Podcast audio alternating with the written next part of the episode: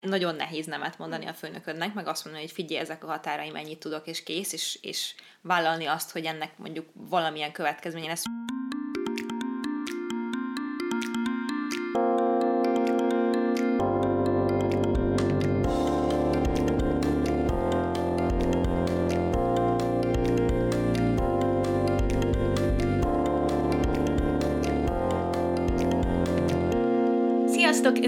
Ez itt a Párnacsata Podcast legújabb epizódja, én Viki vagyok. Mit nevet? Bocsánat. Én pedig Julcsi. pedig Viki, és Jaj. pedig Julcsi. Igen, néha vissza kell hallgatni, hogy melyikünk kezdte az epizódot, és, és így pontot állítottam meg Viki, hogy mondta, hogy pedig Viki, és rájöttem, hogy minden részben úgy mutatkozunk be, mintha ez lenne a vezeték nevünk, hogy Igen. pedig Viki, és pedig Julcsi, illetve csak az egyik, mint mindig, de... Ezek itt a pedig testvérek.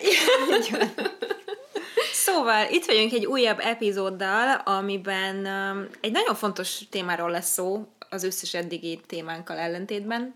Na, um, de most úgy gondoltuk, hogy mind a kettőnkben megfogalmazódott valami gondolat ebben, ennek a témának egy részeként, és így összegyúrtuk egyé, ez pedig a kiállni magunkért lesz nagyon nagyon becsomagolva, és ezt fogjuk majd kibontani, hogy ez mit jelent számunkra, milyen részei vannak mi az, mi az, amiről szerintünk érdemes beszélni ezen belül. Igen. De mielőtt még belekezdünk, Júcsi, hogy vagy? Uh-huh.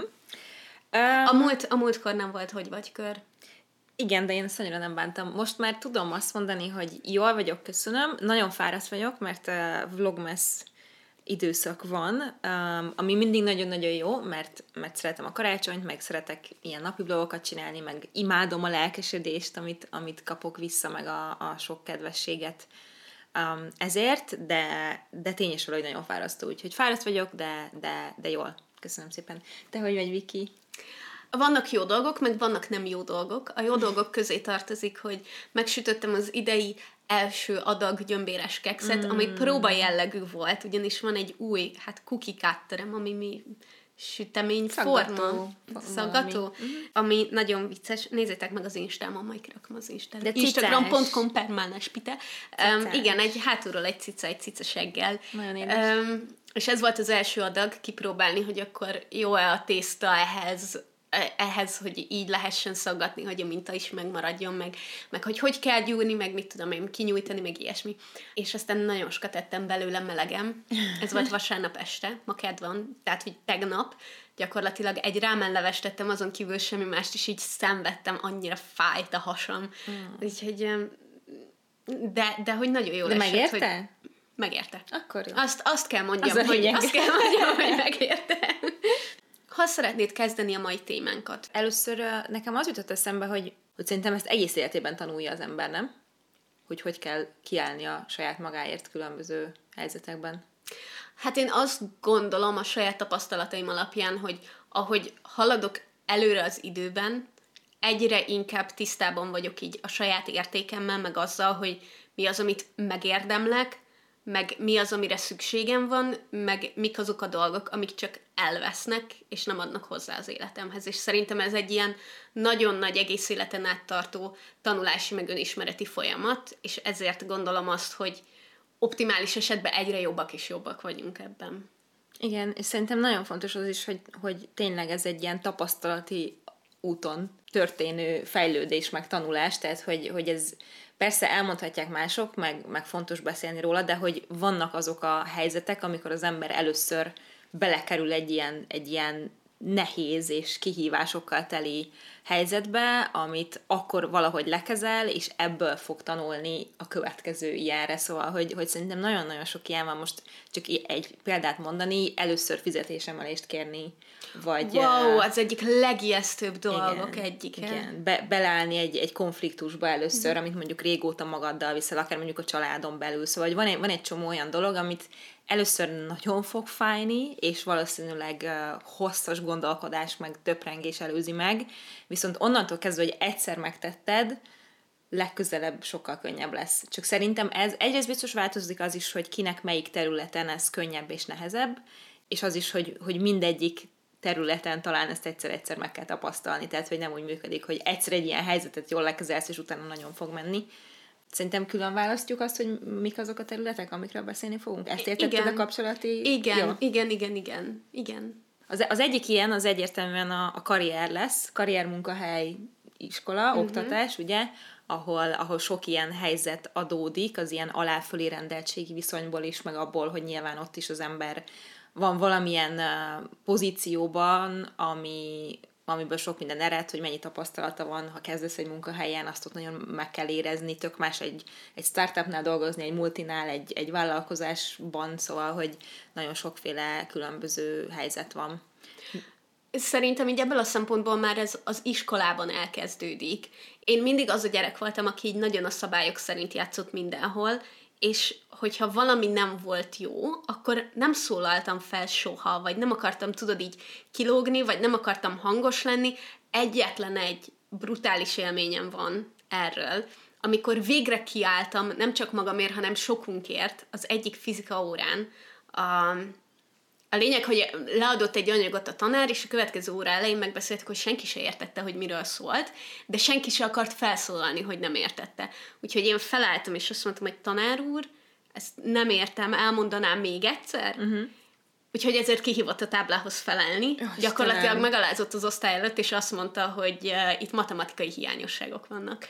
Szóval Ez volt nagyon egy... gáz. És ez, ez az, ami any- elveszi a kedvét az embernek attól, Igen. vagy a gyereknek attól, hogy valaha is felszólal. Igen, igen. És volt egy hasonló élményem a, az egyetemen, ahol szerintem azt már elmeséltem, amikor a, a műszaki rajzom után megkérdezte az egyik tanár így a, az egész 200 fős terembe, hogy van-e um, műszaki rajz előképzettségem, és mondtam, hogy nincs, és azt mondta, hogy uh, akkor biztos, hogy uh, valaki más csinálta ezt a rajzot, mert hogy nő előképzettség nélkül nem tud ilyet rajzolni. Jézus Mária. Ez például mind a kettő olyan helyzet volt, ahol nem álltam ki magamért, tehát, hogy nyilván így felálltam, tehát, hogy mind a kettő egyébként szó szerint olyan eset volt, ahol fel kellett állnom a padból az időhelyzetből, de hogy ott álltam, de nem álltam ki uh-huh. magamért, és hiába éreztem, hogy igazságtalanság történik velem, annyira hirtelen, meglepetésszerűen érintett, meg annyira rosszul, hogy, hogy hirtelen nem voltam képes megfogalmazni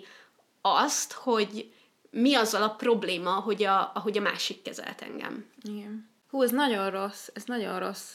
Ó, és ez tökre nem egyedi eset már, mint hogy nekem Igen. Két ilyen emlékem van, de, de tudom, hogy az iskola során szinte mindenkivel megtörténik ilyesmi, és főleg amikor ott állsz egy olyan emberrel szemben, aki nyilván a tanár, akire fel kell nézned, akit tisztelned kell, akkor ez nagyon nehéz, és szerintem ez így később átvivődik a karrier meg a munkavilágára is, ahol szintén, hogyha, hogyha mondjuk lecsesz valamiért a főnököd, ami nem a te hibád, és hogy egy ilyen helyzetben mondjuk hogyan állsz ki azért, hogy de ez nem az én felelősségem volt, de ez nem az én hatásköröm volt, de nem én voltam, aki ezt elrontottam, és nem érdemlem meg ezt a bánásmódot, ez borzalmasan nehéz. Főleg egyébként felnőtt megbecsült férfiakkal szemben én szinte soha nem tudom megtenni amúgy.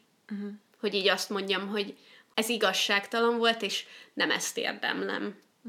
Egy ilyen dolog jutott csak eszembe, amikor, hát az, az egyetemen volt ez is, volt egy tanárom, aki végtelenül szexista volt, és mivel egy olyan órán voltam, ahol volt sok férfi, srác, hogy hívjam őket, tehát a, a szaktársaim, meg, meg még egy lány rajtam kívül, tehát ketten voltunk lányok, rendszeresen olyan példákat hozott, hogy velünk példálozott, hogy például, ha ő lenne a barátnőm, és akkor ez meg ez lenne, tudod, és így ez, Ah, ilyet, nem csinálsz, tehát egy felnőtt férfi, még akkor sem, hogyha már felnőtt vagy nagykorú vagy az egyetemen, nyilván ez kicsit más, mint mondjuk általános iskolában, nagyon más, de ilyen szempontból nem oké, okay, teljesen. És úgy rendszeresen mondott ilyeneket, és tudod, mindenki így nevetgélt, meg- és még lehet, hogy még én is. Tehát, hogy lehet, hogy még én is úgy voltam, hogy ha, igen, jaj, de jó, de közben nyilván nem volt oké, okay, és ha most történne velem, akkor ó, mennyi mindent tudnék mondani.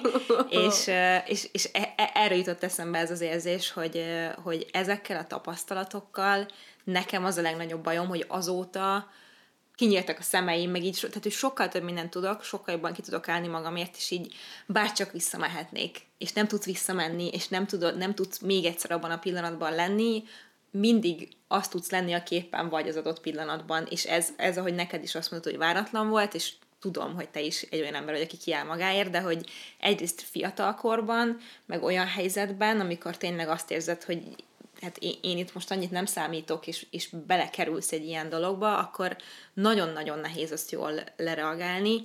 Azon gondolkodom, hogy mi lehet a különbség, mert szerintem van, de nem tudtam még így pontosan megfogalmazni a fejemben, hogy mi a különbség a tanárdiák és a főnök alkalmazott viszonyban, hogy mi, mi ez a gát, mert szerintem más, tehát hogy munkahelyeden sokszor azért nyelsz, és azért, azért tűrsz el dolgokat, mert hogy ez a megélhetésed, és akkor nem tudom micsoda, meg legyél jó munkaerő, nem tudom. Az iskolában... Szerintem ott tehát, az hogy... az óriási különbség, hogy a tanár egy felnőtt.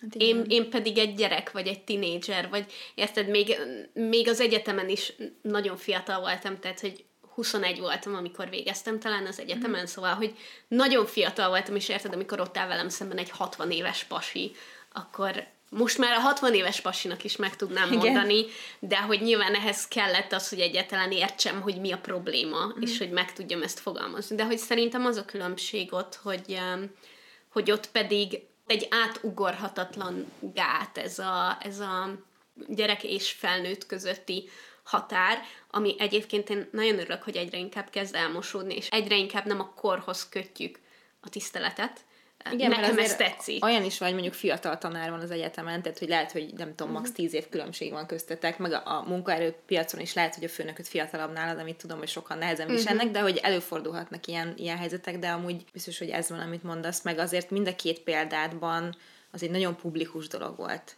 Igen. Tehát, hogy az megint Igen. más, hogy mondjuk a tanáriban történik ez, vagy a, nem tudom, a professzornak a... Tehát, hogy kettesben beszélsz vele, vagy 200 ember előtt ő mond valamit, amiben helyzeti előnyben is van, mert ő mondja először, ő a tanár, tehát nyilván az emberek nem fognak felállni a padokból, és azt mondani, hogy már pedig ez nem volt fair, tök jó lenne, ha ilyen világban élnénk, de hogy viszonylag kevés esélyt látok erre. Meg hát nyilván ilyenkor egyébként benne van a félelem, hogyha mondjuk most bármit visszaszólok a tanárnak, akkor meg fog buktatni. Hát igen.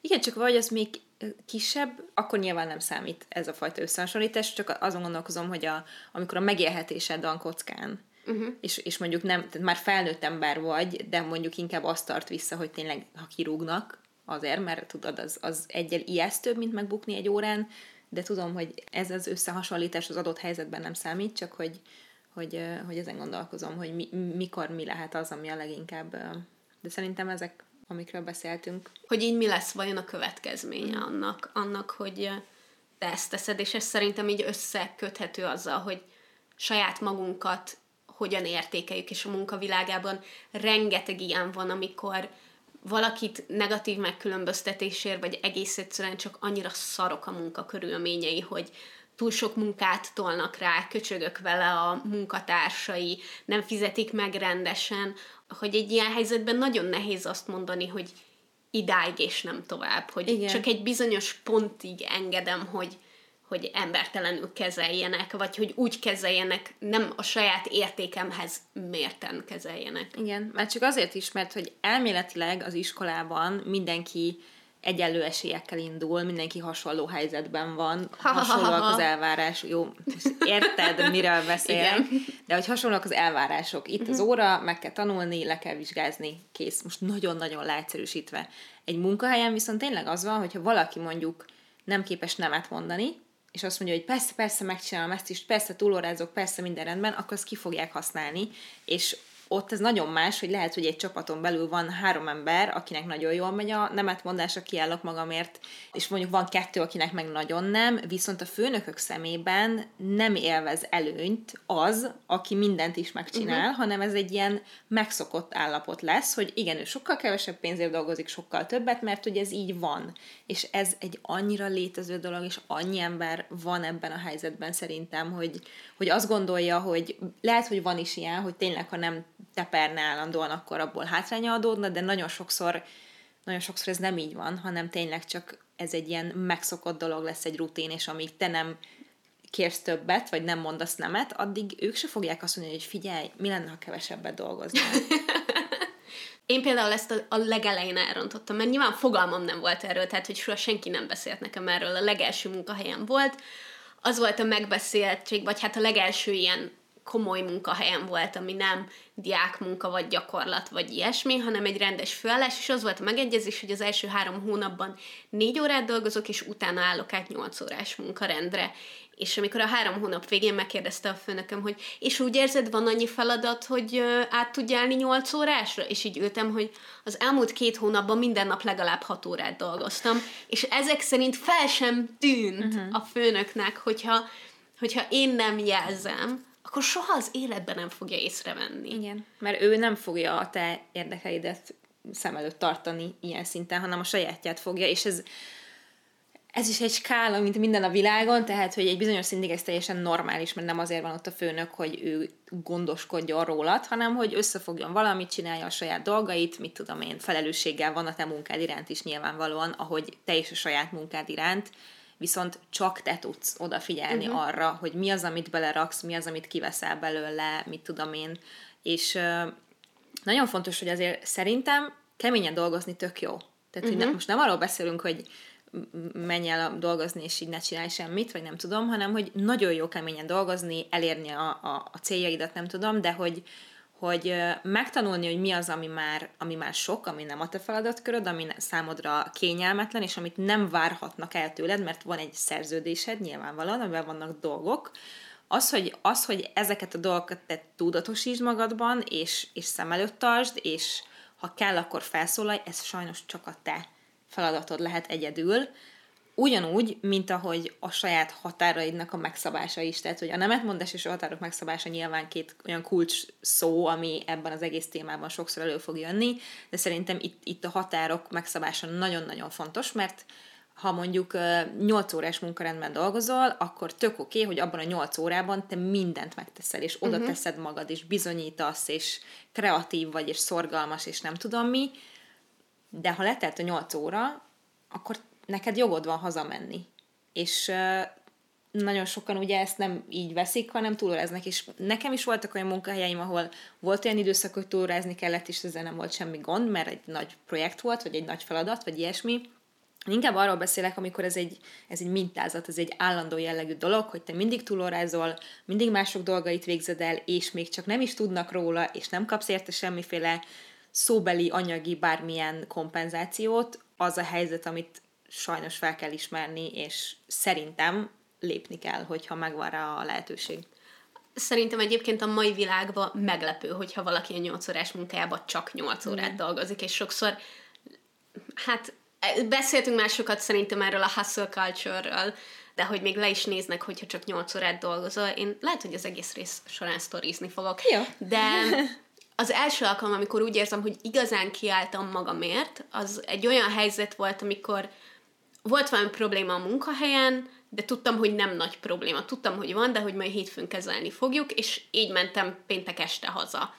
És szombaton, délután este egy baráti társaságban voltam, társasoztunk, mit tudom én, de a főnököm elkezdett hívogatni, és akkor volt mellettem valaki, aki támogatott, és azt mondta, hogy most ezt így el kell döntenem, hogy hagyom vagy nem hagyom, hogy uh-huh. egy szombat este a barátaimmal az arról szóljon-e, hogy felveszem a telefont, és ezzel foglalkozok, vagy sem. És nem vettem fel a telefont, és írtam egy SMS-t, hogy hétfő reggel meg tudjuk beszélni, tisztában vagyok vele, hogy ez a probléma létezik, hétfőn reggel meg tudjuk beszélni, és meg tudjuk oldani, és az volt a főnökömnek a reakciója, hogy partnerként tekint rám, és szeretné, hogy szeretné tudni, hogy bármikor számíthat rám. Értem, Miért hogy... Kicsoda ő az bátyád, vagy mi? De, de hogy, hogy akkor tudod, ezt még kicsit ilyen, ilyen nem tudom, így bóknak is vettem, hát hogy persze, komolyan vesz, hát meg persze. mit tudom én, és ez annyira része ennek az egésznek, Igen. hogy, hogy nekem kell az, hogy egyedül, de érted? Rajtad így remektem, minden. hogy Igen. úristen, nem vettem fel a telefont, mi fog történni. Én egy szaros alkalmazott voltam Igen. egy cégnél. A partner, nem mondtad még, hogy a partner, tehát akkor részesedésed van a cégnek a bevételje. És nagyon-nagyon nehéz volt, és konkrétan külső segítségre volt szükségem úgy, hogy nem élőben zajlott ez a dolog, nem élőben valaki beszélt hozzám, és úgy kellett kiállni magamért, és ott volt mellettem, aki támogatott még ebben, és így is óriási nehézség volt, nem azt megtenni, hogy azt mondjam, hogy én a munkaidőmön kívül nem dolgozom, vagy azt megmondani, hogy ez nem az én hatásköröm, vagy bármi, hanem nem felvenni a telefont szombat este hatkor a főnökömnek. Igen. Ez mennyire durva egyébként, hogy, hogy ez a munkakörnyezet, meg ez a kultúra jelen pillanatban, legalábbis nekem akkor az volt, hogy, hogy nem teheted meg, hogy szombat este nem veszed fel a telefont a főnöködnek. Igen. És van, vannak, vannak amúgy emberek, akiknek ez egyáltalán nem probléma, sőt. Nekem sem volt nagyon sokáig probléma, én nagyon sokáig boldogan teljesen, szombaton. Szerintem teljesen oké, okay, hogy ez neked probléma. Pont, pont ezt akarom mondani, nekem is az lenne. Tehát pont ezt akarom mondani, mivel van néhány ember, akinek tényleg a munkája az élete, uh-huh.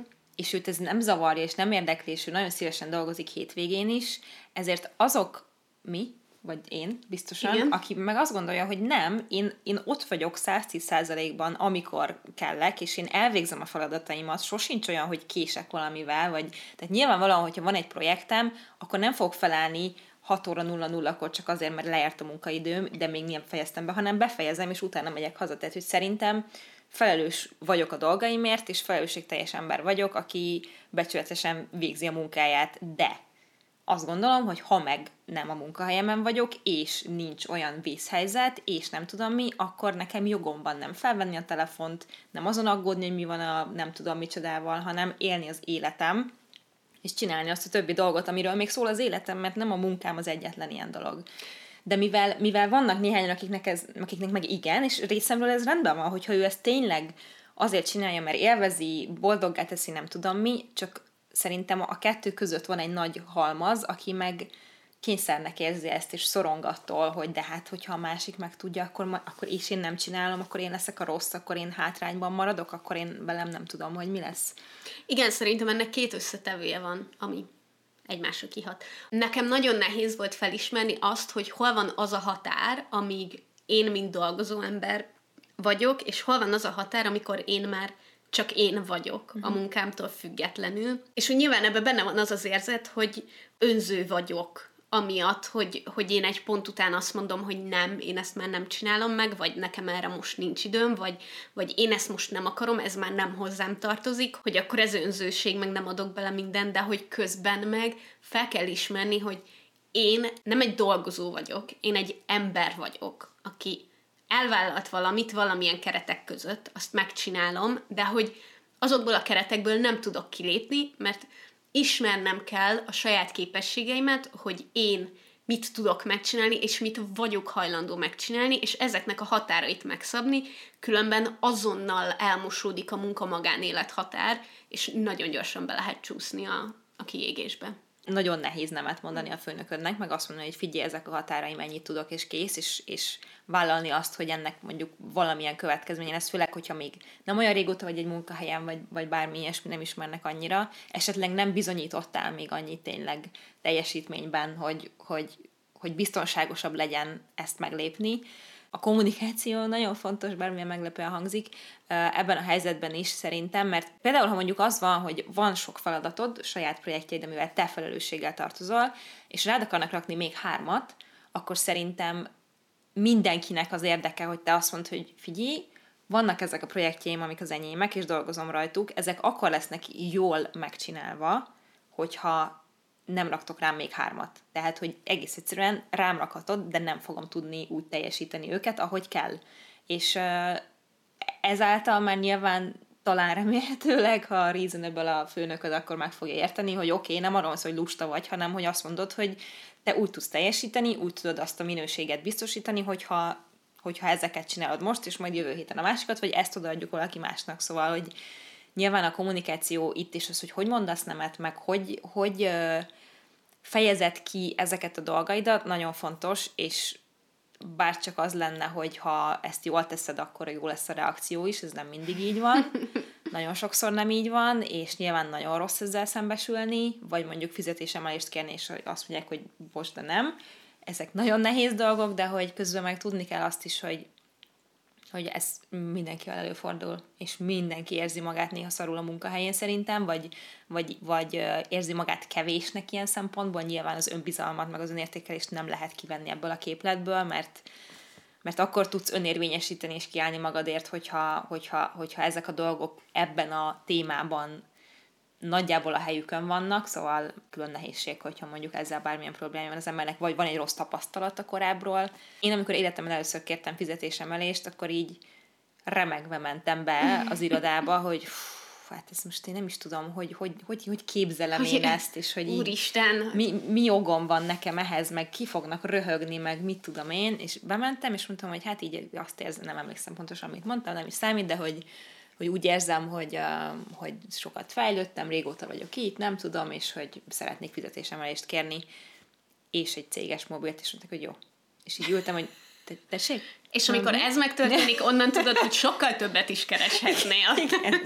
De hogy, és ez, ez a jó szenárió, és akkor kimész, és azt mondod, hogy ja, de akkor lehet, hogy ezt már fél éve is megtehettem uh-huh. volna, és biztos, hogy van olyan szenárió is, hogy azt mondják, hogy hát bocs, de nem, van olyan szenárió, hogy azt mondják, hogy hát fél év múlva, vagy három hónap múlva térjünk vissza rá, szóval, hogy így nyilván mielőtt belemész egy ilyen helyzetbe, fel kell készülni rá, hogy bármelyik választ kaphatod ezek közül, de ez szerintem nem szabadna, hogy visszatartsa az embert. Nekem, ami az élet több területén is, emberi kapcsolatoknál is, nem csak munkahelyen is így bevált, így a kommunikáció szempontjából, az az, hogy nagyon nyugodtnak kellett lennem, mm-hmm. és átgondoltnak, szóval, hogy nem elsőre így mondom a dolgokat, hanem hogy akár egy fizetésemelés, akár egy konfliktust kezelnem kell, vagy meg kell valakivel beszélnem azt, hogy valami mondjuk a kettőnk kapcsolatában így nem oké, vagy valamin Igen. változtatni szeretnék, hogy akkor össze kell először is szedni a gondolataimat, hogy ne egy ilyen első érzelmi reakció legyen, mert hogy az sokszor így nem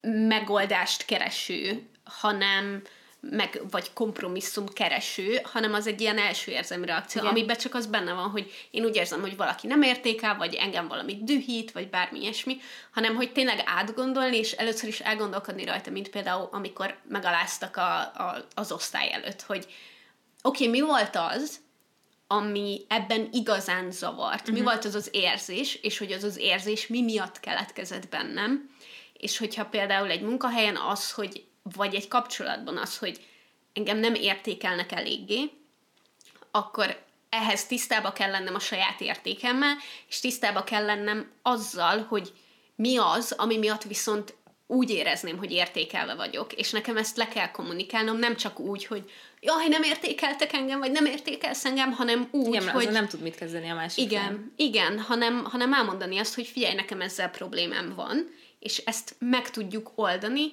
így és így, mit gondolsz erről. Uh-huh. És szerintem ez nagyon fontos, hogy ha nem is magabiztos az ember, magabiztosnak kell tűnni. Igen. És hogy, hogy átgondoltan és, és indokokkal, érvekkel alátámasztva úgy elmondani, hogy, hogy ez tényleg egy, egy megoldást keresünk egy meglévő problémára, ne csak, ne csak egy ilyen partalan veszekedés legyen a dolog. Igen, vagy, vagy a másiknak a hibáztatása, sértegetése, bármi ilyesmi, és ez nyilván nagyon nehéz, de hogy pont ezért ezek azok a dolgok, amikre tényleg érdemes aludni egyet, kettőt, egy hetet is akár, meg szerintem tényleg valaki mással megbeszélni, tehát hogyha ha az a másik fel tudja tenni ezeket a kérdéseket, mondjuk te nem tudod, mert egy saját helyzetedből, nézőpontodból megpróbálni kiszállni, és megnézni, hogy vajon a másik mit érez és mit gondol, és ő, ő az ő oldaláról ez milyen, az néha egyedül majdnem, hogy lehetetlen, de ha van valaki, akivel ezt így le tudod játszani, és, és tényleg végigmenni azon, hogy most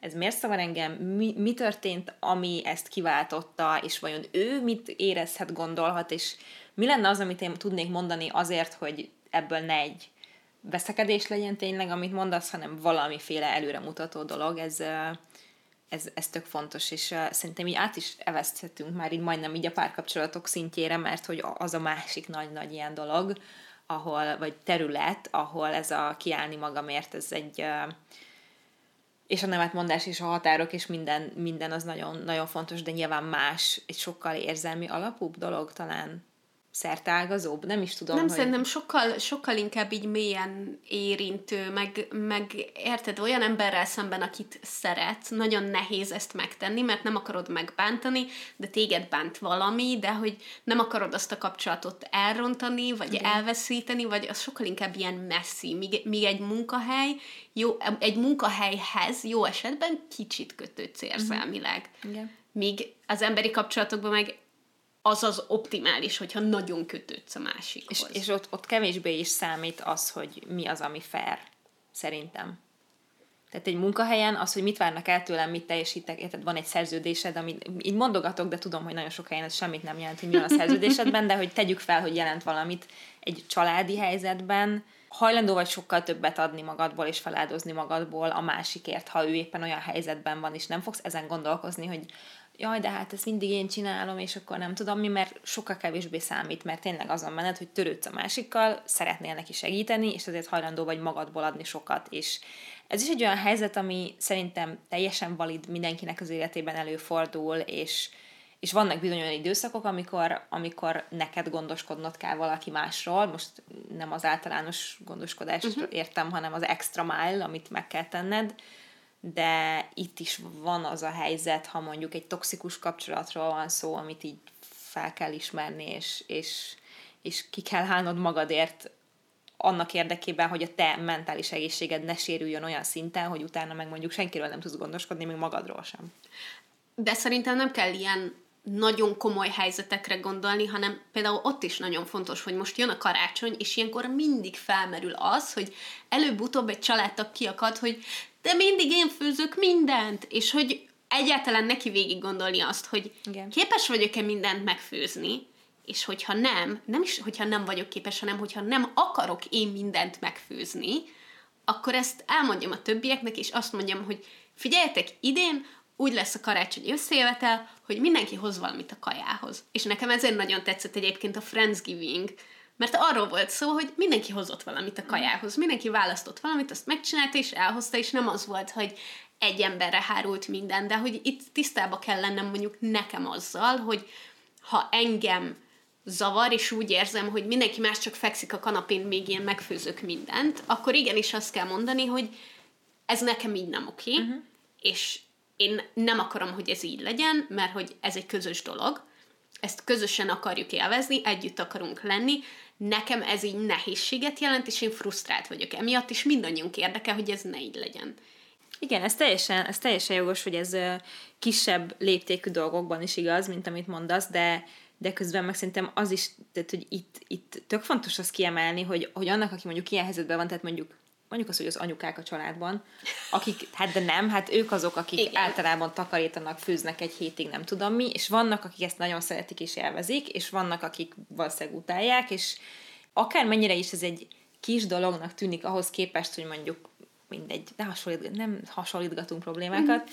de hogy nekik ez egy komoly dolog, mert ők ezt belülről nyilván úgy élik meg, hogy most számít rám a család, és most teljesen mindegy, hogy abban számít rá, hogy diós beiglit süssön meg kacsát narancsal, mert az a gyerek kedvence, a harmadik gyerek kedvence, meg a nem tudom micsoda. Érted? Tehát, hogy ők ezt akkor is egy nyomásként élik meg, akármennyire is egy vacsoráról van szó, tehát, hogy biztos, hogy nagyon nehéz ebből kilépni, főleg, ha mondjuk ez egy hosszú évek óta tartó hagyomány, vagy, vagy nem tudom és, és azt is mondjuk nehéz felismerni, hogy így egyre idősebb az ember, egyre kevesebbet tud csinálni, szóval hogy annyi, annyi tényezője van ennek, amiért, amiért nagyon nehéz lehet ilyenkor is azt mondani, hogy figyelj, idén nem főzök, vagy idén csak egyet főzök, vagy kettőt, vagy nem lesz nyolc sütemény, szóval Szóval, hogy ezt, ezt, ezt nagyon nehéz lehet felismerni, főleg ha, vagy, vagy bármilyen más helyzetben, hogyha ez egy, ez egy rutin, vagy egy ilyen visszatérő dolog, amit csinálsz Egy ilyen tradíció, valakiért. vagy egy ilyen megszokott Igen. dolog, ami egyébként évről évre mindig ugyanúgy történik. Igen. És abból szerintem nagyon nehéz kilépni. Igen.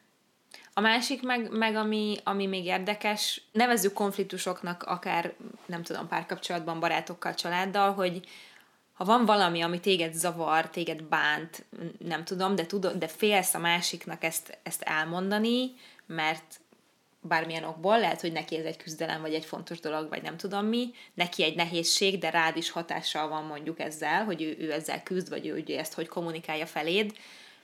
Ott is, ott is ezt eldönteni, tehát hogy így megválasztani, meg úgy ez a munkahelyre is igaz, de hogy ami miatt is át kell gondolni, nem csak az, hogy hogy kommunikáld ezt a másik felé, hanem hogy mik azok a, van egy angol kifejezés erre, hogy hogy mik azok a csatamezők, amiken meghalsz, tudod?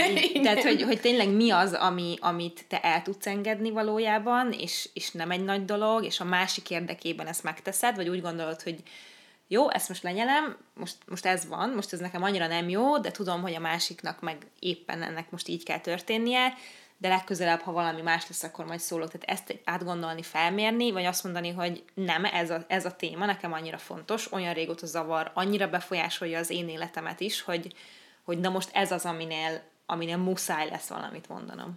Van egy csomó ilyen, ilyen apróság, amit eleinte így bármilyen emberi kapcsolatban így megengedsz a másiknak, mert azt akarod, hogy jó legyen neki, és szerintem ez kifejezetten baráti, meg, meg párkapcsolatokban, mindenféle kapcsolatban az elején ez van, amikor szeretnéd, hogy a másik így uh-huh amikor így jobban azt akarod, hogy így, hogy így erősödjön ez a kapcsolat, és akkor többet megengedsz a másiknak. Elsőre nem akadsz ki, amikor nem tudom, a, a szennyes mellé dobja a koszos uh-huh. ruháját, de amikor, amikor egyszer csak azon kapod magad, hogy valami apróság így iszonyatosan felbasz, akkor kell elgondolkodni, hogy hú, oké, okay, mi, az, mi, az, mi az igazából, ami engem zavar. Igen. És ezt megint csak úgy lekommunikálni, hogy egyből így egy, így egy megoldási javaslatot tenni, mert valószínűleg nem az a baj, hogy mellé dobja a ruháját, hanem, hanem elképzelhető, hogy valami teljesen más dolog van, amit egyébként így nem, nem gondoltam át, hogy zavar, vagy nekem nem esik jól, vagy bármi, hanem hirtelen egy ilyen, egy ilyen érzelmi reakcióból így ott állok, hogy oké, okay, várj, ez most miért is érzek ezzel kapcsolatban ennyire erősen? Mi igazából a mögöttes ok? Igen. És ez nagyon nehéz szerintem egy ilyenen így elkapni magunkat, és, és ugye azért, hogyha a munkavilágáról beszélünk, akkor ez sokkal egyszerűbb, mert tudod, hogy van egy köcsög munkatársad, akit mm. utálod, hogyha hozzád szól, de azért egy olyan kapcsolatban, ahol szereted a másikat, meg a másik is szeret téged, azok, ezek azért nagyon, nagyon pici tojáshéjak, amiket össze Igen. lehet törni. És nyilván nem akarod bántani, most pont ez a szent, apró dolgok, amiket csinál, és így így szerintem ilyenkor sokszor az ember így elgondolkozik, hogy jó, de most miért esik olyan nehezemre belerakni a szennyesbe azt, ami mellette van, nem tudom mi, és így el is tud bizonytalanodni az ember, hogy, hogy de most ez nem akkora probléma, meg, meg így, így nem tudom mi, de egyrészt az érzéseid mindig validak, a, amit érzel, az, az valid, az van és kész, és nem szabad kell máshoz hasonlítani, vagy azt mondani, hogy vajon a másik is ezt érezné, mert nem. Tehát, hogyha neked ez tényleg frusztrációt okoz, és, és elkezdesz neheztelni a másikra azért, mert az okniát mindig a szoba közepén hagyja, akkor akármennyire is ez egy olyan téma, amit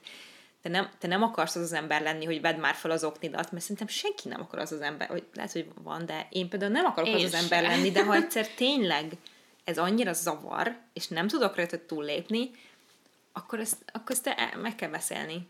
És uh, nagyon fontos, a, itt a legfontosabb a kommunikáció szerintem, mert hogy tényleg már benned is annyi oda-vissza érzés van, hogy én nem akarlak bántani, de mi lenne, ha, ha esetleg izé, hogy um, és hát, hogy a másiknak is van három ilyen dolga, amit próbál megszokni veled kapcsolatban, de hogy így nem de aztán mer, de hogy apróság, is, hogy de veled igen, is van, nem, te sem vagy nem tökéletes. És ilyenkor ebből születnek a semmiről való veszekedések, hogyha ezt nem tudjuk időben felismerni, jól kommunikálni, és igazából a helyre rakni egy fiókba, ami, ami tökre kéznél van, csak ritkán nyitjuk ki. Milyen érdekes, érdekes hasonlat volt ez. Szerintem még ebbe a témában, ami nagyon fontos, az a nemetmondás szempontjából az, hogy a másiknak őszintén megmondani, hogy ha valami mondjuk nekünk túl sok. Uh-huh. Um, és ez sok esetben például, ha barátokkal való találkozásról van szó, és nagyon nehéz azt mondani, hogy, hogy megszoktuk már, hogy azt mondjuk, hogy jaj, nem érek rá, vagy jaj, nem érzem jól magam. És hogy, hogy mindenki egyből arra asszociál, hogy dolgozol, vagy beteg vagy de hogy, hogy keveset beszélünk arról, szerintem itt a podcastben már többször szóba hoztuk azt, hogy, hogy lehet, hogy éppen nem akarok elmenni. Mm-hmm. És, nem, és nem veled van bajom, és nem azzal van bajom, ahova mennénk, vagy amit csinálnánk, hanem egész egyszerűen úgy érzem, hogy nekem ma arra van szükségem, hogy én otthon maradjak, és főzzek valamit, és csak pihenjek a kanapén. És ezt pedig nagyon sokszor nagyon nehéz szerintem így, így felismerni, hogy, nagyon jó találkozni mindenkivel, nagyon jó elmenni mindenhova, de amikor egyszerűen így, van ez a kifejezés, hogy ez a spread too thin, uh-huh. amikor, amikor már nem tudsz mit adni magadból, hanem, hanem ott állsz, hogy, hogy így fel kell ismerned, hogy basszus, igen, igen, kötelességből mész el szórakozni, az senkinek se jó igazából. Igen, igen. Például, hogy múlt héten tudtunk volna előre dolgozni a podcasttel kapcsolatban, egy felvétel, és azt kellett mondanom, hogy figyelj, basszus, ez nekem nem fog működni, mert úgy érzem, hogy nincsen mit adnom. Mhm. Tehát, hogy Értem, először így... Hívjuk munkának azért szerintem. Oh, jó, ez a podcast okay. de értem, uh, okay. amit mondasz. Oké, okay. okay, van. Igen, szerintem, tehát, hogy van ilyen, hogy az ember akármi is mondjuk vár egy programot, és aztán azt érzi aznap, hogy így nem, nem megy, akkor nekem azért így az szokott a fejembe jönni először, hogy oké, okay, de mi lesz az indok? Tehát, hogy milyen indokot Igen. tudok kitalálni, ami a másik számára is elfogadható, és nem bántom meg vele, holott igazából egyrészt nem is kéne indokot adni igaz barátságban, tehát, hogy ezt szerintem tisztázni kéne, hogy figyelj, nem, ne haragudj, nem tudom, nem kéne, hogy magyarázkodjunk, nyilván azért kell magyarázkodni, mert, mert nem akarod a másikat megbántani, mindenféle érzelmek vannak itt is, de, de hogy jó lenne, ha nem kéne indokot adni, vagy ha el lehetne mondani, hogy azért, mert annyira van energiám, hogy üljek a kanapén és nézzek egy sorozatot, ez van, de hogy találkozunk jövő héten, és azonnal meg lehet beszélni egy új időpontot, és ez tök jó lenne, ha le tudnánk kommunikálni, meg tudnánk érteni egymást ezzel kapcsolatban szerintem. A másik ilyen, ha még nem is a találkozás, de mondjuk felvenni a telefont valakinek, vagy válaszolni egy üzenetre, aminél, aminél megint csak az van, hogy, hogy valamikor nem megy, és, és nem azért, mert dolgozol, és nem érsz rá, valljuk be őszintén, azért, azért egy nap alatt mindenki ránéz az üzeneteire, meg az e-mailjeire, meg a telefonjára, még akkor is, hogyha tényleg nagyon sokat dolgozik, de nekem az egy csodálatos dolog, van egy, van egy barátom, akivel, akivel ez egy, ez egy ilyen szokás, hogy, hogy mondjuk ír egy üzenetet, hogy figyelj, itt vagyok, ha akarsz beszélni, semmi gáz, ha nem válaszolsz, vagy felhív, és nem veszem fel, és, és tehát, hogy tudom, hogy nem lesz belőle baj. Mert hogy én nem azért veszem, próbálom felvenni veled a kapcsolatot, hogy neked egy feladatot adjak, hanem hogy tudd, hogy itt vagyok, ha kellek, és nem sértődök meg, hogyha nem válaszolsz, nem veszed fel, de számíthatsz rám. És ez egy annyira szép dolog szerintem. Én, én nagyon szeretem a, az egyik ismerősünk, aki azt mondta, hogy vagyunk olyan jóba, hogy nevet fel nekem a Ugyanarról az emberről beszélünk egyébként, csak gondoltam, nem akarom itt lelepezni, de hogy, hogy igen. Ne leplezzük le, de hogy, de hogy tényleg az, hogy vagyunk annyira jóba, hogyha hogyha nem veszed fel a telefont, ha hívlak, akkor az mm. teljesen oké. Okay. És imádom egyébként, hogy Dávid egyszer megcsinálta, hogy írt nekem sms hogy ne vedd fel, ha nem akarod, és utána, és utána hívott telefonon, és így, és tudod, amikor így nincsen semmi gond, akkor így, ha, miért írtad ezt? Ja, jó, tök jó. És amikor viszont olyan vagy, nem akarom felvenni, akkor nem az, akkor hogy jól jaj, ne, nem Igen. fogom fel, hanem az, hogy oh, tudja, hogy nem feltétlenül akarom felvenni, és az annyira jó, hogy nem kell. Igen. Igen. Úgyhogy ez egy tök jó dolog. És van még, egy, van még egy nagy terület, ami eléggé különbözik a párkapcsolatoktól, meg a, munkahelytől, a karriertől ilyen szempontból, az hát kiállni magadért olyan helyzetekben, amikor nem tudom a kategória nevét, gondolkoztunk ezen, nem tudom, hogy hogy hívjuk, de mondjuk orvosnál például, vagy, vagy ügyintézésnél, vagy olyan, olyan helyen, ahol mondjuk te nem érzed magad kompetensnek, nem érzed magad hozzáértőnek, viszont rólad van szó, személyesen rólad.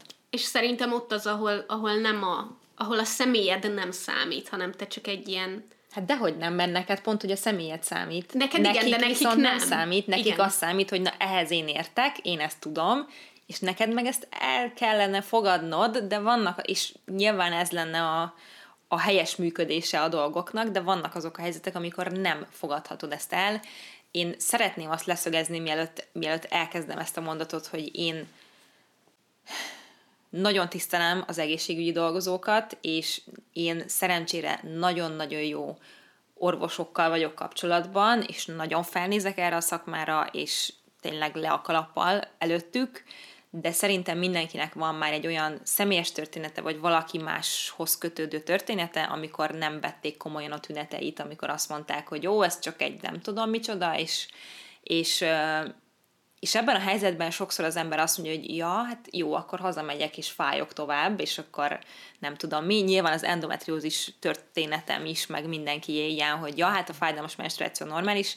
Nem, a fájdalmas menstruáció nem normális, és nem kell senkinek fájdalommal élnie, és nyilván az ilyen helyzetekben, amikor te találkozol valakivel, aki szakmailag elismert, és ő azt mondja, hogy ez van, mert én ehhez értek, de te meg érzed azt, hogy de én meg tudom, hogy nem oké, mert ez az én testem, vagy a lelkem, igazából ezt is belevehetjük teljesen nyugodtan, akkor ugyanúgy nagyon nehéz tud lenni azt mondani, hogy de már pedig doktor úr, doktornő, valami nem oké, higgye el nekem, hogy valami nem oké, mert együtt élek magammal 30 éve, és tudom, hogy sosem szokott fájni a fejem, most meg nagyon fáj a fejem, vagy tudom, hogy, hogy így működik a testem, most meg máshogy működik a testem, és nagyon nehéz tud lenni ilyenkor azzal az emberrel szemben ott helyben kiállni magunkért, vagy azt mondani, hogy én már pedig elmegyek egy másod véleményért, vagy egy harmad véleményért, vagy, vagy nem tudom, vagy, és ehhez még tökre beletartozik az is, hogy az internet, meg az orvoslás,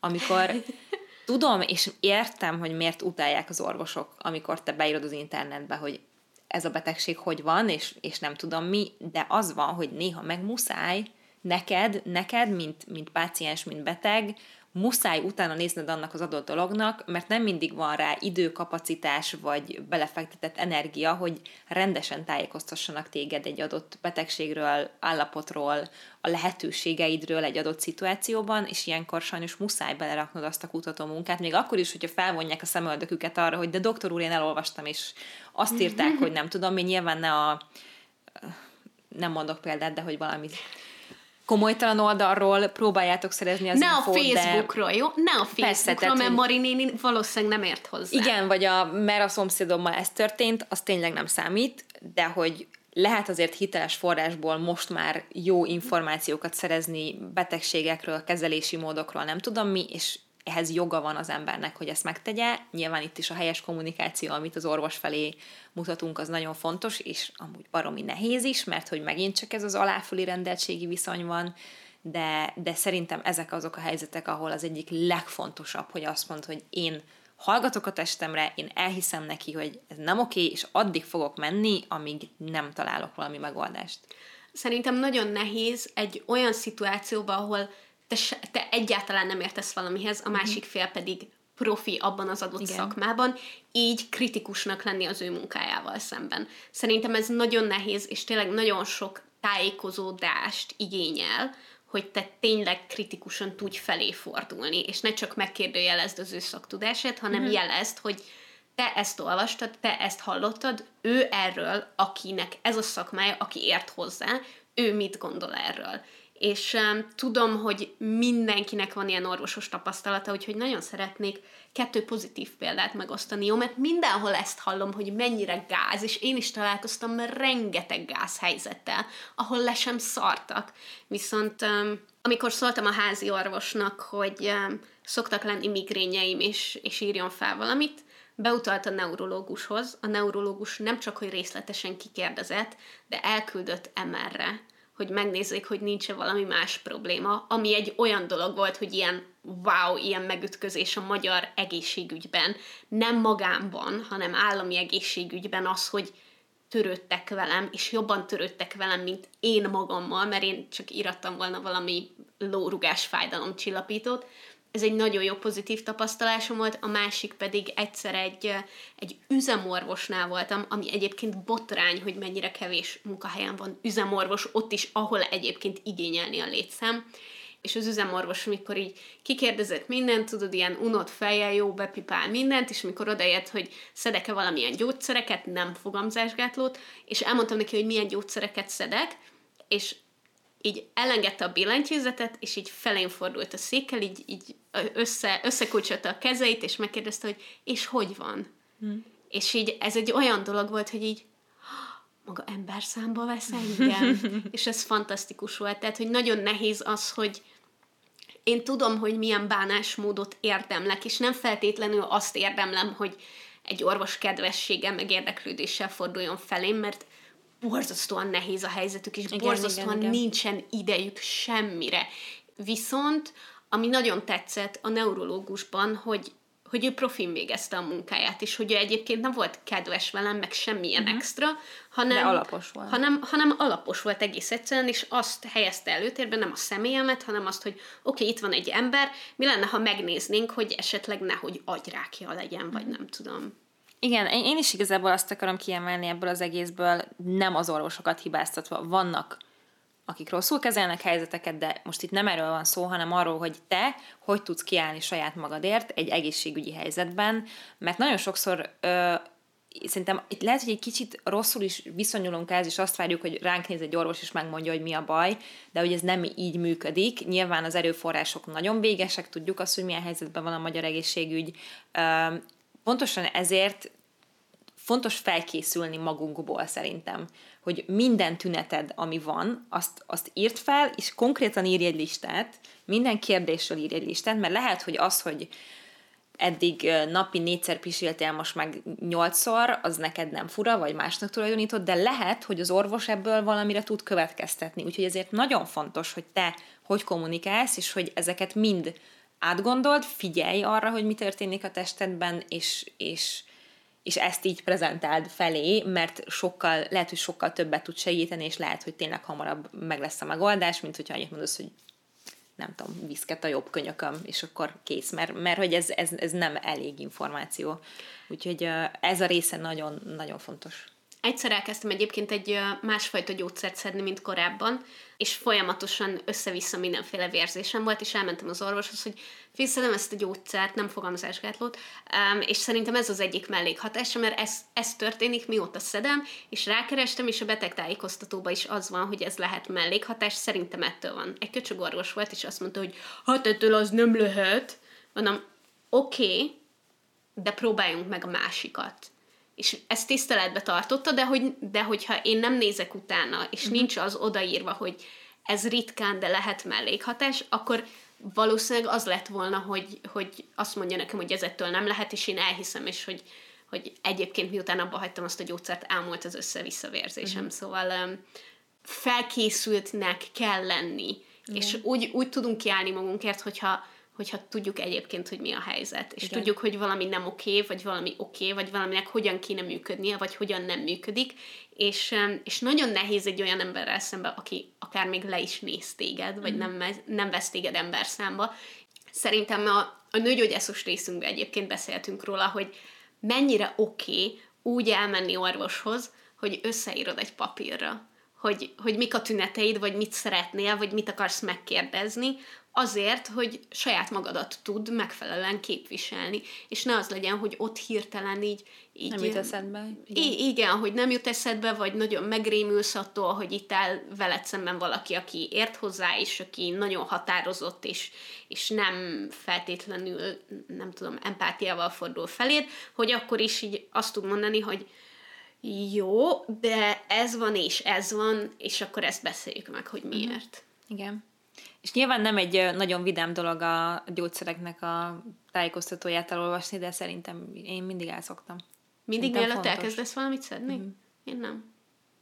Én csak akkor, hogyha történik valami. Baj van? Ha, baj, okay, ha, vala, ha valamit érzek, vagy valami történik, jó, nyilván... akkor gyorsan, gyorsan elolvasom, hogy ú, várj, ez lehet amiatt? Jó, nem, csak rossz lábbal keltem fel. Igen, jó, jó értem, mert nyilván, meg nyilván vannak emberek, akik ettől megijednek, vagy elkezdik tapasztalni azokat a tüneteket, szóval, hogy ezt most visszavonom, nekem az működik, hogy én, én azért elolvasom, hogy, hogy mi az, amit beveszek, és, és mi, milyen következménye lehet még akkor is, hogyha nagyon-nagyon nagy esélye nem lesz. Ja, én igazából megjegyeztem, hogy kb. milyen lehet a szívroham, meg a stroke, minden másra van idő. Oké. okay. Jó van. De egyébként ez nem csak ilyen egészségügyi dolog, csak szerintem ez nagyon-nagyon fontos, hogy, hogy ebben felkészüljünk, és itt ki tudjunk állni magunkért, de hogy akármilyen ilyen bürokra, bürokrácia, meg a, a postán, a bankban, a nem tudom hol, ahol. Én, én postán többször tapasztaltam már, hogy oda mentem egy azonosító számmal, hogy egy csomagot szeretnék átvenni, és ránéztek a számra, és mondták, hogy hát nem látja, hogy ezt fönt kell átvenni, és mondtam, hogy nem látom, mert nem tudom azt, amit ön tud ott a székében, ahol dolgozik 30 éve, úgyhogy nem látom, hogy ez milyen, de persze felmegyek, köszönöm. Tehát, hogy én, nekem sok ilyen tapasztalatom volt, és ez annyira nem visel meg, mert ez egy adott pillanatnyi helyzet, nevezzük így, de hogy nagyon sokszor van azért, hogy az embert elárasztják papírokkal, szerződésekkel, szakzsargonnal, úgy se érted meg, csak írd alá, nem tudom micsoda, ami nagyon fárasztó és idegesítő tud lenni. Igen, nekem a postán egyébként szintén volt olyan, hogy oda mentem, mert tudtam, hogy a postásunk nem hozza ki az értesítőt sem, ha valami érkezik, és tudtam, hogy megérkezett egy csomagom, és bementem, hogy nézzék meg, és így mondom, értesítőt kapott, mondom, nem, de kérem nézzék meg. Akkor nincs, kérem nézzék meg. És hol volt a csomag? Ott volt náluk. Ja, úgyhogy uh, illetve bankkal is volt nemrégiben olyan tapasztalatom, amikor szerintem teljesen indokolatlan módon levontak tőlem egy ilyen számottevő összeget, amit nagyon igazságtalannak éreztem, mert az ő mulasztásuk miatt lett az a költség, és írtam nekik e-mailt. Kettőt is, sőt három e-mailt írtam összesen, Um, és végül visszautalták nekem azt a pénzt a banktól. Úgyhogy, úgyhogy nagyon nagy meglepetés volt, hogy az, hogy vettem a fáradtságot és leírtam mm. e-mailbe, telefonon soha nem mertem volna. Tudod leírni azt, hogy, hogy nem is tudom, ez tarthatatlan állapot, és más, máshol kell, akkor le kell mondanom a szolgáltatást, és máshol kell, nem tudom, bankszámlát vezetnem, mert hogy ez így, ez így nem működik ezt soha nem mertem volna szóba így kimondani, mm. de e-mailben leírtam, és ezért orvosolták a problémámat. Ja. Annyira büszke voltam magamra. És nagyon kevesen vannak szerintem, akik egy ilyenbe belemennek, sajnos, és azért nyilván nagyon sokan vannak átverve. De, de pont esetben. ez az, mint amiről az elején beszéltünk, hogy ez egy folyamatos tanulás, és, és hogy meg kell csinálni, mert egyre egyre inkább magabiztos lesz benne az ember szerintem. Szóval mm. első alkalommal tényleg az, hogy valahol meg kell fájdalmas. mondani, hogy mindig fájdalmas, de egy idő után így egyre könnyebb lesz, és egyre inkább érezni fogom azt, hogy nekem most igazam van, úgyhogy igazából két lábra kéne állnom, és azt kellene mondani, hogy nem ezt érdemlem, vagy, vagy mm. pont, hogy ezt érdemlem. Amúgy ez, ez a bankos dolog, amit most elmeséltél, ez, ez pont kb. akkoriban történt, amikor én engem meg nagyon megvámoltak egy csomaggal, uh-huh. és én viszont akkor úgy döntöttem, hogy jó, oké, okay, kifizetem, most egy napig nem leszek egy napig dühös, de három embernek elmondom, hogy általában Dávid, Viki, meg az anyukám, vagy nem tudom mi, és ez tök rossz amúgy, mert egy rátok zúdítottam, hogy hú, de mérges vagyok, és akkor én egy kicsit kiadtam a sajátomból. Hát egy kicsit, Igen. teljesen természetes. Uh, viszont nyilván, mivel nekem személyes volt, azért neked remélhetőleg nem volt olyan rossz, hogy átadtam ezt a kis haragot. Nem. Um, akkor úgy döntöttem, hogy én most ezzel nem tudok foglalkozni. Uh-huh. És én, én most nagyon idegesít és fáj, de nekem kisebb stressz, kisebb mm-hmm. feszültség az, hogy most úgy döntök, hogy oké, okay, ezt lenyelem, és nem, nem fogok vele izelni, mint az, hogy így elképzeltem, hogy most akkor e-mailt írok, meg utána megyek, meg visszaküldöm, meg visszautaltatom, meg így, hogy így nekem ez így túl sok volt, és ab, abban a helyzetben, ez nem jelenti azt, hogy mindig így fogok tenni, de abban a helyzetben én ezt felmértem, és azt mondtam, hogy jó. Ezt most csak azért meséltem el, mert tök vicces, hogy ez a téma is mind a kettőnkre egyszer történt meg, és más megoldást találtunk jónak, de hogy ez pont ez a te válaszd meg a saját harcaidat, hogy mikor mi az, ami, ami számodra jobban, jobban működik egy adott helyzetben. Igen, mert hogyha kiömlött a táj, akkor önismeret. Így van. Szerintem ez nagyon szép végszó volt, ha csak nem akarsz még hozzátenni valamit a témához. Nem, szerintem, ele, szerintem eléget sztoriztam. Úgy Igen, érzem, hogy jó sok ilyen történetet megosztottam ma. Igen, de ez, ez fontos, mert ebből jobban szerintem az emberek is így jobban felismerik, hogy ó, oh, tényleg ezt én is, vagy vele, ilyen velem is történt már.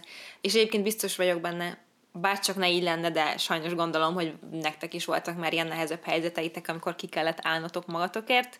Nagyon érdekel minket, hogy ti ezeket hogy oldottátok meg, vagy mi az, amiben a legnagyobb nehézséget látjátok. A tuti tippek mindig jól jönnek. Úgyhogy, úgyhogy írjátok majd meg a Facebook csoportunkban lévő poszt alatt, hogyha nem vagytok még a tagjai a csoportnak, akkor Pályacsata néven megtaláljátok, és három kérdésre válaszolva beengedünk benneteket, illetve ott van lehetőség anonim módon kérdezni és témákat felvetni is.